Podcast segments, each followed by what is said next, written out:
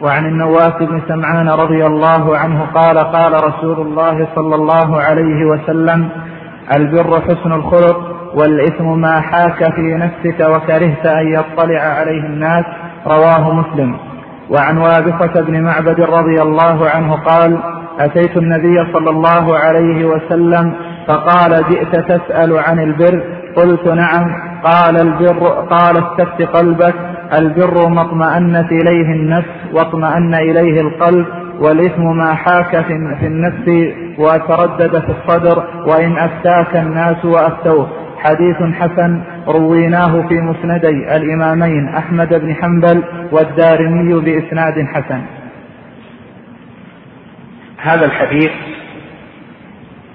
من الأحاديث الجوامع وهو حديث النواس.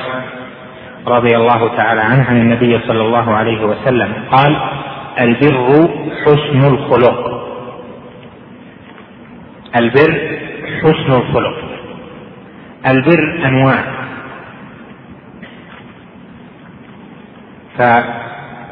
فيكون البر فيما بين العبد وبين ربه جل وعلا ويكون البر فيما بين العبد وبين الناس.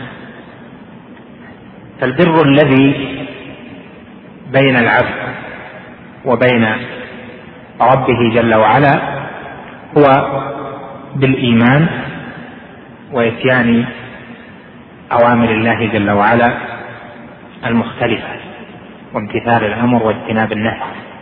كما قال جل وعلا في سورة البقرة ولكن البر من آمن بالله واليوم الآخر والملائكة والملائكة والملائكة والكتاب والنبيين وآتى المال على حبه ذوي القربى واليتامى والمساكين وابن السبيل والسائلين وفي الرقاب وأقام الصلاة وآتى الزكاة. الآية فذكر البر الذي يجب على العبد لله جل وعلا. فهذا النوع من البر يأتي في القرآن كثيرا. والله جل وعلا هو الذي جعل هذا برا فالعبد من أهل البر إذا قام بما جاء في هذه الآية. فيقال هذا من الأبرار. إذا امتثل ما في هذه الآية وابتعد عما يكرهه الله جل وعلا. والقسم الثاني من البر البر مع الخلق. وهذا جماعة حسن الخلق. ولهذا قال عليه الصلاة والسلام البر حسن الخلق. فجمع البر في عبارة وجيزة وهي حسن الخلق. وحسن الخلق كما ذكرنا لك يجمعه أنه بذل الندى وكف الأذى وأن تحسن إلى الخلق وأن تجزي بالسيئة الحسنة وأن تعامل الناس بما فيه. عفو عن المسيء. وكظم للغير وإحسان للخلق. فمن كان باذلا للندى غير منتصر لنفسه كافا الأذى مقدما المعروف للخلق فهو من ذوي حسن الخلق فيما بين الناس. فإن جمع إليه ما يستحب من ذلك وما يجب من حقوق العباد كان حسن الخلق عنده شرعي. فإذا حسن الخلق الذي يكون فيه امتثال لما جاء في الشرع من صفات عباد الله المؤدين لحقوقه وحقوق عباده هذا يكون معه البر. فالبر إذا درجات لأن الإيمان بالله والملائكة واليوم الآخر إلى آخره وإقام الصلاة وإيتاء الزكاة إلى آخره. هذا درجات و معاملة الخلق درجات. فتحصل من هذا أن قوله عليه الصلاة والسلام البر حسن الخلق أن درجة البر تختلف باختلاف حسن الخلق. والبر إذا أردته فهو حسن الخلق لأنه بذلك تؤدي حقوق الخلق الواجبة والمستحبة. قال والإثم ما حاك في نفسك وكرهت أن يطلع عليه الناس. عرف الإثم وهو ما يقابل البر بشيئين شيء ظاهر وشيء باطن. وهذا من الميزان الذي يمكن تطبيقه وهو عليه الصلاة والسلام ممن بل هو عليه الصلاة والسلام الرؤوف الرحيم بهذه الأمة. فقال لك الإثم ما حاك في نفسك. هذا أمر باطن. وكرهت أن يطلع عليه الناس وهو الأمر الظاهر فإذا أتيت إلى شيء مشتبه عليك فحاك في نفسك. هل هذا من الإثم أم من البر؟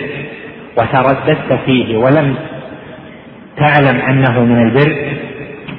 وانضم إلى ذلك الظاهر أنك لو فعلته كرهت أن يطلع عليه الناس فهذا هو الإثم.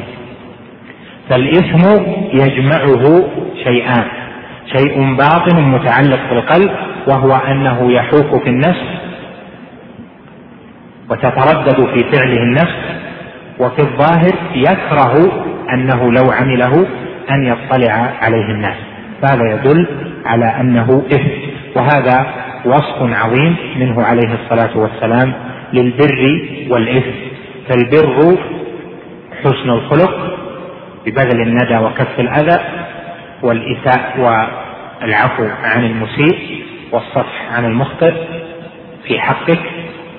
والإثم ما حاك في نفسك وجهه وكرهت أن يطلع عليه الناس في ما لو فعلته ظاهرا.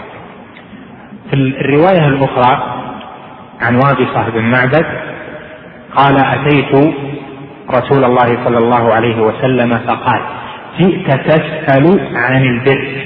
فقلت نعم. قال استفت قلبك البر ما اطمأنت إليه النفس واطمأن إليه القلب. والإثم ما حاك في النفس وتردد في الصدر ذكرت لكم أن البر نوعان بر متعلق بحق الله وبر متعلق بحق العباد.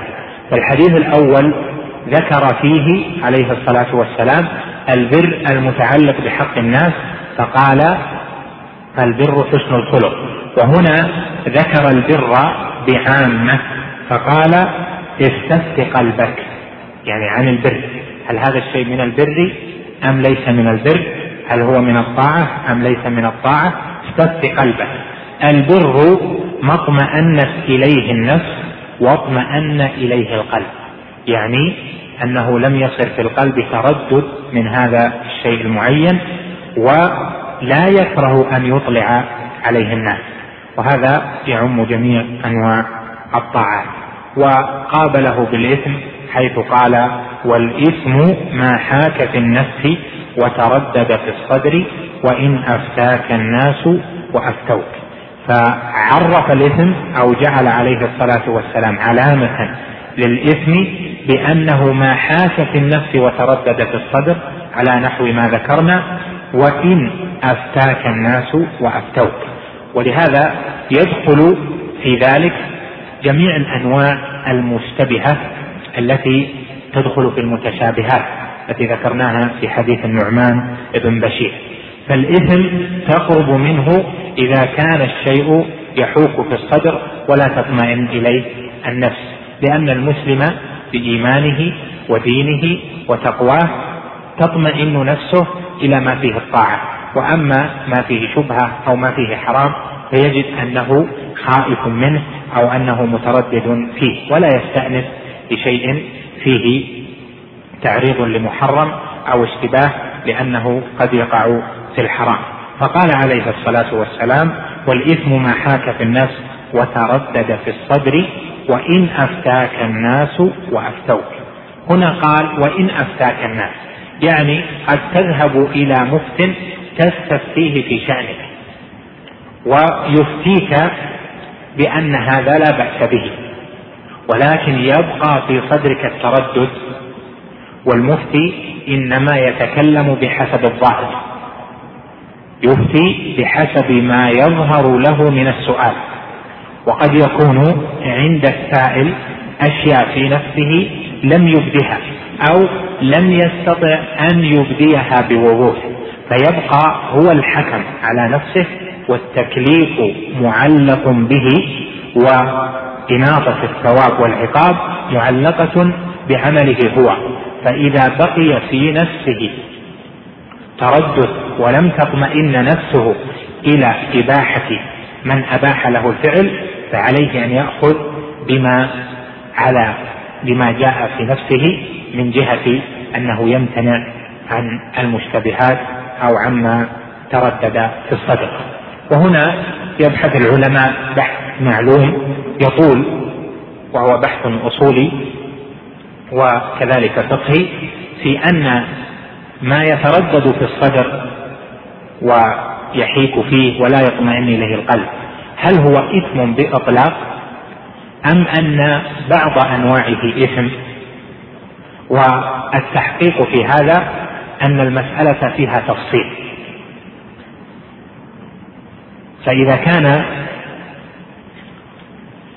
يعني الحالة الأولى أن يكون التردد الذي في النفس واقعا عن جهل من صاحبه بالحكم الشرعي أو بالسنة.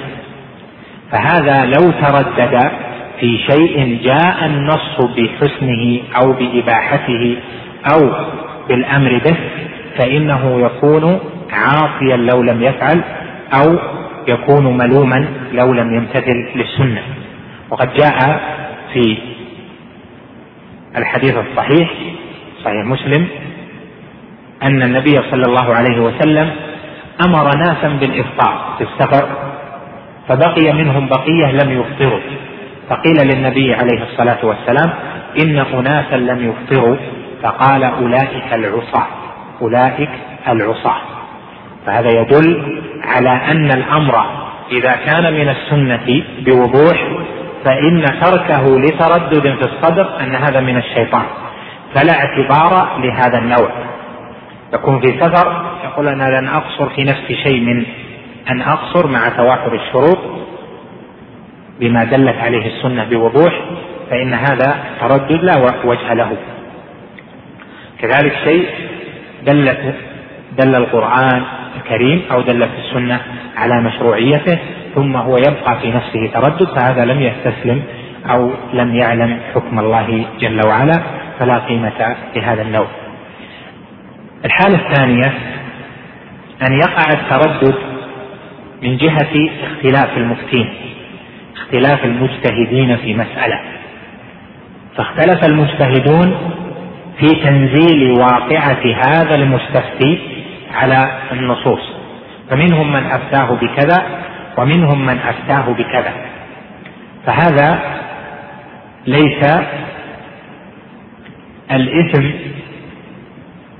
في حقه أن يبقى مع تردد نفسه. ليس الإثم في حقه أن يزيل تردد نفسه وليس البر في حقه أن يعمل بما اطمأنت إليه نفسه خارجا عن القولين. بل البر في حقه ما اطمأنت إليه نفسه من أحد القولين لأنه لا يجوز للعام أن يأخذ بقول نفسه مع وجود عالم يستفتيه بل إذا استفتى عالما وأوضح له أمره فأفتاه فإن عليه أن يفعل ما أفتاه العالم به. فإذا اختلف المفتون فإنه يأخذ بفتوى الأعلم الأفقه بحاله.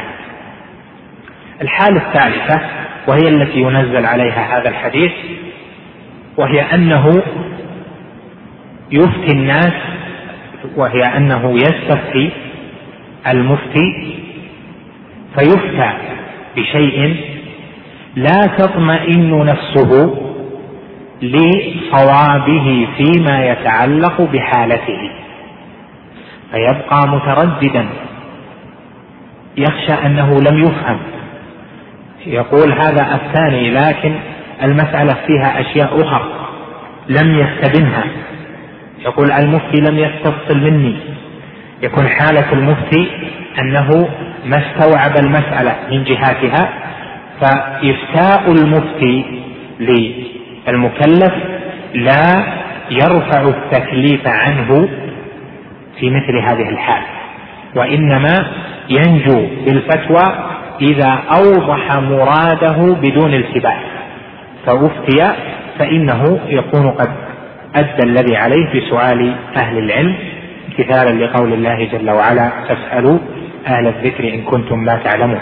وأما إذا لم يفصل أو لم يستفصل المسؤول المفتي أو لم يحسن فهم المسألة فاستعجل وأفتاه وبقي في في قلب المستفتي شيئا من الريب من جهة أن المفتي لم يفهم كلامه لم يفهم حاله أو أن هناك من حاله ما لا يصلح أن يبين أو ما لم يستطع بيانه فإن هذا يدخل في هذا الحديث بوضوح فالإثم ما حاك في النفس وتردد في الصدر وإن أفتاك الناس وأفتوك. فإذا الأحوال كما قال أهل العلم ثلاثة اثنان منها لا تدخل في ذلك وهي الأولى نعيدها باختصار الأولى ما ورد النص به فإنه لا يجوز أن يبقى في النفس تردد مع ورود النص من الكتاب أو السنة أو إجماع أهل العلم في المسألة أو إجماع أهل السنة في مسألة